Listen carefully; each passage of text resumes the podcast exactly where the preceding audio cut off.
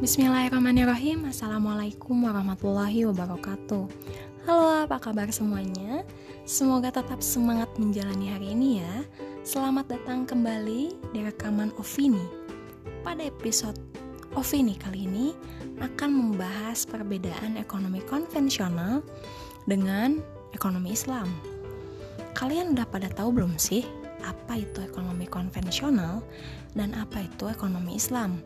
Nah, kalau belum tahu, simak penjelasan berikut ya. Ekonomi konvensional adalah ilmu yang mempelajari perilaku manusia dalam memenuhi kebutuhannya yang tidak terbatas dengan menggunakan faktor-faktor produksi yang terbatas. Masalah utama pada ekonomi konvensional ini adalah kelangkaan atau scarcity Sedangkan ekonomi Islam adalah ilmu ekonomi yang mempelajari segala perilaku manusia dalam memenuhi kebutuhan hidupnya dengan tujuan memperoleh kedamaian dan kesejahteraan dunia dan akhirat yang bersumber pada makosid syariah. Nah, itu tadi merupakan pengertian dari ekonomi konvensional dan ekonomi Islam. Lalu apa sih yang membedakan di antara keduanya? Yuk, kita bahas perbedaannya. Yang pertama dari segi prinsip. Jika ekonomi konvensional berprinsip pada konsep scarcity atau kelangkaan, sedangkan ekonomi Islam berprinsip pada goal-oriented discipline.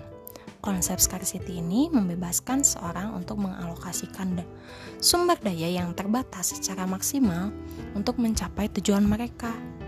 Sedangkan goal-oriented discipline lebih luas lagi, tidak hanya mengalokasikan sumber daya secara maksimal di dunia saja, tetapi juga memikirkan untuk kehidupan di akhirat kelak. Contohnya, mengalokasikan dengan berwakaf, berzakat, dan bersedekah.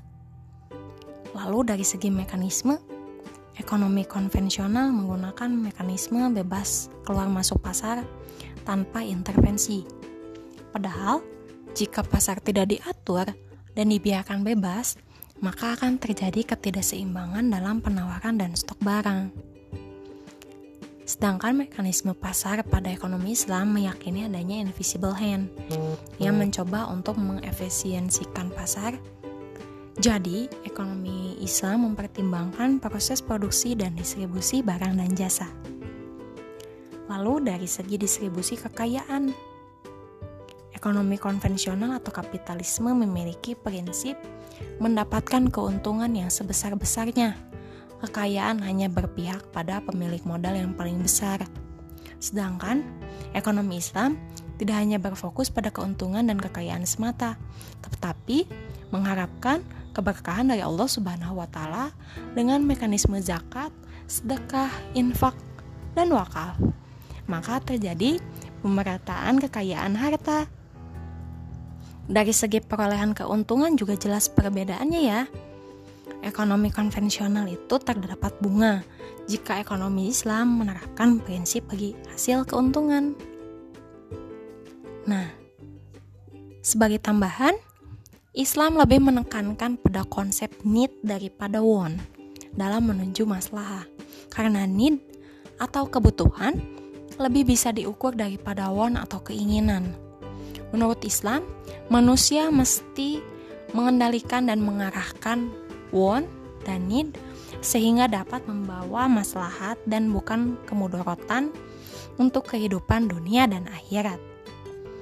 Sekian penjelasan Ovini kali ini.